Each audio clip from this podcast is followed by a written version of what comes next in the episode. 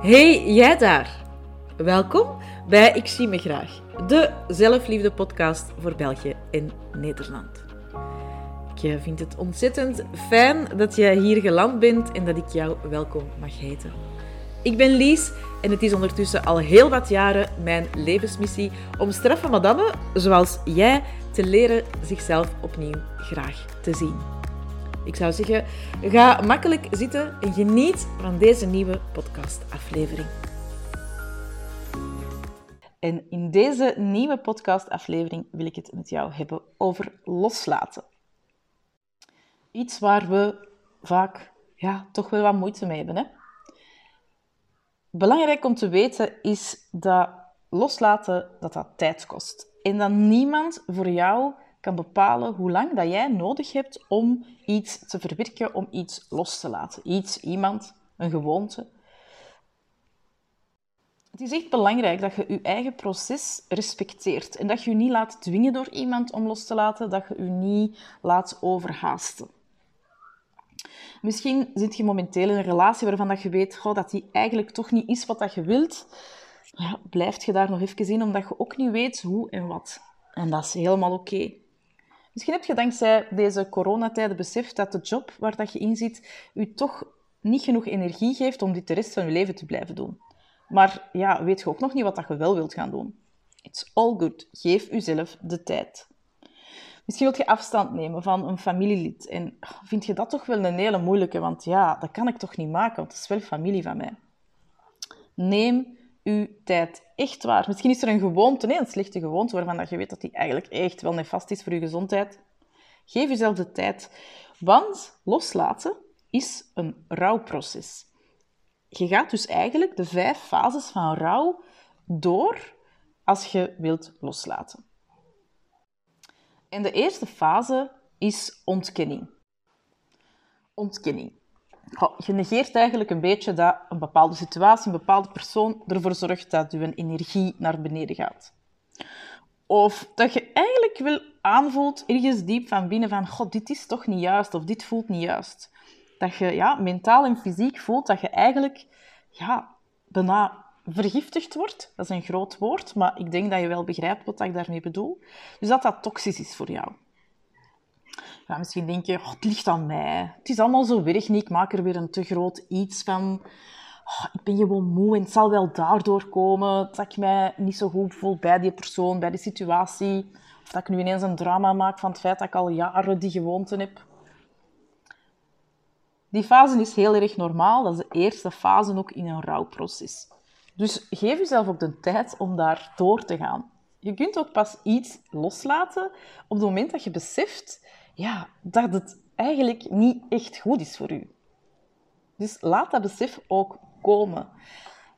Heel waarschijnlijk hebben er al veel mensen tegen u gezegd, zeg, die relatie, dat is nou precies toch ook niet echt gezond. Of oh, die vriendschap, altijd als je daarmee hebt afgesproken met die vriendin, ja, dan voel je je zo klein, minderwaardig. Vind je dat gezond? Of over je job, hè. Je zit altijd te klagen over je job. Zou je niet gewoon iets anders zoeken? Het kan heel goed zijn dat je dat al vaak gehoord hebt, maar dat jij zelf zo nog wat zit in van, ja, ja, hè, wat ik er zei, oh, dat ligt aan mij, of uh, oh, het is allemaal zo weg niet, je moet het allemaal niet zo groot maken, of ik maak het zelf groter, ik maak van een mug een olifant. Geef jezelf de tijd om te beseffen dat datgene wat dat er is, dat dat niet is hetgeen wat dat je wilt.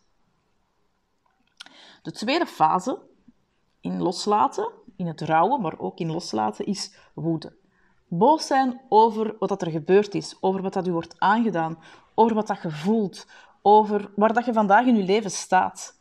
Laat die boosheid eruit, want boosheid wegduwen, really, dat helpt echt niemand. Dus laat die boosheid eruit. Ga eens goed roepen in het bos, slaagt op kussens, um, springt op en neer en laat die boze energie uit uw lijf vloeien.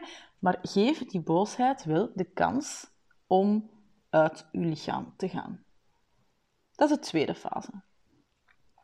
Afhankelijk van hoe lang dat je al in een bepaalde situatie zit, dat je al ja, lang voelt in een relatie niet meer juist zit, of wat dat dan een vriendschap is of een liefdesrelatie, ja, kan het wel zijn dat er veel opgebouwde woede in u zit. Dus geef jezelf ook hier weer de tijd voor. De sleutel tot loslaten is echt jezelf de tijd gunnen om al die fases door te gaan en te beseffen dat het helemaal oké is om dat op uw tempo te doen. De derde fase in loslaten is onderhandelen. Onderhandel met jezelf over de noodzaak van het loslaten. Maar als ik nu dit of dat verander, dan gaat dat of dat wel meevallen. Je gaat eigenlijk ja, buiten jezelf zoeken en je gaat ja, jezelf een beetje sussen. Stel dat je, dat je al jaren rookt, dan gaat je zo... Ja, maar weet je wel, als ik me nu beperk tot één sigaretje per dag, dan gaat het toch allemaal zo erg niet zijn. Of als ik nu één keer per dag chocolade eet, um, of als ik één keer in de week dit of dat doe, of als ik nu gewoon minder afspreek met die persoon, ja, weet je, dan zal het allemaal wel zo'n vaart niet lopen. Dus je gaat een beetje onderhandelen met jezelf. Het is ook een heel normale fase die je zult doorlopen. En misschien als je nu een keer gaat terugkijken naar een situatie waar dat je ja, verplicht werd om los te laten, eh, denk aan een slag of een relatie die van een andere kant doorbroken werd, ook achteraf kun je eh, voor zelf je doen door die fases gaan. Dus ga dan zeker en vast een keer terugkijken of je al die fasen doorlopen hebt en of je dat hoofdstuk voor jezelf hebt kunnen afsluiten. De vierde fase bij loslaten is het verdriet toelaten. Bij het rouwen noemen we dat depressie. Uh, maar ik wil het in het kader van loslaten uh, eigenlijk liever benoemen als het verdriet toelaten. Verdriet over wat er geweest is. Uh, je beseft eigenlijk dat het nooit meer gaat worden zoals het was. En ja, je bent daar verdrietig over. En dat is oké. Een verlies van hè, een vertrouwensbreuk die dat er geweest is uh, met een werkgever bijvoorbeeld. Um, verlies van liefde of genegenheid in een vriendschap of in een relatie. Laat dat verdriet toe. En misschien wordt dat verdriet getriggerd doordat je naar liedjes luistert waar dat je vroeger samen naar luisterde, of een film of een serie. Of, hè, dat is zo, ja, eigenlijk een omwegje om verdriet in onszelf los te maken en naar boven te laten komen en toe te laten um, door een externe hulpbron. Ik vind dat zelf, allee, voor mij is dat ook vaak nog altijd de, ja, de, de makkelijkste manier om mijn verdriet toe te laten door die externe hulpbronnen in te roepen. En dat is helemaal oké. Zolang dat je het maar toelaat en het beseft. En dat je ook weet dat, weet wat geweest is, gaat nooit meer terugkomen. Het wordt nooit meer zoals voorheen. En dat is oké. En het moment dat je dat oké vindt, zit je in de vijfde fase, de aanvaardingsfase. Het is wat het is. En dat is het moment waarop dat je heel erg liefdevol afscheid kan nemen van dat wat dat er geweest is. Dat je vol dankbaarheid kan kijken naar de lessen die dat je geleerd hebt, ehm, de dingen die je samen hebt gedaan. En hoe kan je in die fase van aanvaarding ja, echt voor jezelf wel een, stukje afsluiten. Uh, ik doe dat zelf bijvoorbeeld heel erg graag door ofwel een brief te schrijven, waarin dat ik dan zowel de liefdevolle dingen als de, de pijnlijke dingen aanhaal. Uh, mijn verdriet en mijn boosheid zullen daar zeker en vast ook altijd een plaats in krijgen. Maar ook wel dankbaarheid. Dankbaar zijn voor de dingen die dat er wel geweest zijn, die dat het mij wel gebracht heeft. Uh, of een virtueel gesprek. En een virtueel gesprek, daar bedoel ik mee. Uh, je zoekt een foto van de persoon. En dan gaat het vooral over personen. Een brief kun je schrijven aan alles en iedereen, aan een gewoonte, aan uh, een job, Ehm, aan de persoon. Maar ja, een gesprek aangaan, dat is natuurlijk ietsje gemakkelijker als je dat doet met, uh, met een foto van de persoon. Als het gaat over eten, kun je natuurlijk ook uh, een foto van, van die slechte gewoonte, hè, hoe dat, dat in beeld wordt gebracht voor u, dat kun je ook doen. Hè. Maar dan gaat je dus een gesprek aan waarin dat je ja, gewoon, hetgeen wat je anders zou opschrijven misschien, eerder vertelt. Sommige mensen vinden dat gemakkelijker om te vertellen tegen iets dan uh, om het neer te schrijven. Maar dat zijn in eerste instantie de vijf fases van rouwen. En dat zijn voor mij ook echt de eerste vijf fases die je doorgaat. Maar ik heb er wel nog een aantal aan geplakt. Want als je in de fase van aanvaarding zit, dan betekent het ook dat je volgende stap de, het stukje van vergeving is. Vergeving van de andere van wat er gebeurd is. En beseft ook dat als het gaat over een persoon, die andere persoon in 9 van de 10 ja, keren niet beseft wat dat iets met u gedaan heeft. Omdat iedereen van ons doet dingen, zegt dingen vanuit een eigen perceptie, vanuit onze eigen leefwereld. En ja, die staat mogelijk ver van die van jou. Um, je zult op sommige vragen gewoon nooit een antwoord krijgen. En dat is oké. En laat het u niet tegenhouden om hoofdstukken voor uzelf af te sluiten. Als ik terugkijk, dan heb ik echt wel veel tijd verdaan. Zelf dan bijvoorbeeld bij het loslaten van oude liefdesrelaties, omdat ik echt wil van die andere persoon een antwoord wilde over waarom dat het dan toch niet gelukt was of waarom dat het dan toch niet gewerkt had. En ja, dat houdt u alleen maar tegen om verder te gaan met uw leven. Loslaten is echt een van de meest liefdevolle dingen die dat je voor jezelf kunt doen. Um, die je jezelf kunt en moogt gunnen. Dat is een heel bewuste keuze die je maakt, dat loslaten. Zodat je verder kunt met het leven wat dat je echt wilt, waar dat je wel gelukkig van wordt. Ook al is dat niet altijd even eenvoudig, hè, want ik weet heel goed, verandering, dat is altijd spannend. Zeker als je niet weet wat er voor in de plaats komt. We houden het graag zoals dat is. Maar weet gewoon dat als je iets loslaat van een lagere energie, je er altijd iets van een hogere energie voor in de plaats krijgt. Dus dat vergeven van de ander is belangrijk, maar uiteraard ook het vergeven van jezelf. Dat, je, dat, dan, dat gaat dan eerder over, ja, misschien zet je kwaad op jezelf omdat je te lang bent blijven zitten in een bepaalde situatie. Uh, of in een bepaalde relatie, of omdat je al zo lang je lichaam vergiftigt met bepaalde dingen. Vergeef jezelf it's all good. Je kunt maar dingen veranderen doordat je iets leert. En als je er iets uit geleerd hebt over een bepaalde situatie, uit een bepaalde situatie of relatie, dan is het oké. Zolang dat je maar je lessen leert en meeneemt op je verder pad. Heel erg belangrijk. En mijn laatste tip of mijn laatste stap om los te laten is een uitnodiging om uw eigen innerlijke werk te gaan doen.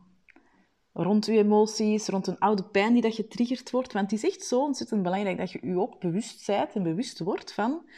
Ja, waarom raakt mij dit? Waarom is het voor mij zo moeilijk om dit los te laten? Welke oude pijn wordt er geraakt? Afwijzing, uh, dat ik er niet bij hoor, dat ik niet aanvaard word voor wie dat ik ben, dat ik mezelf niet mag zijn.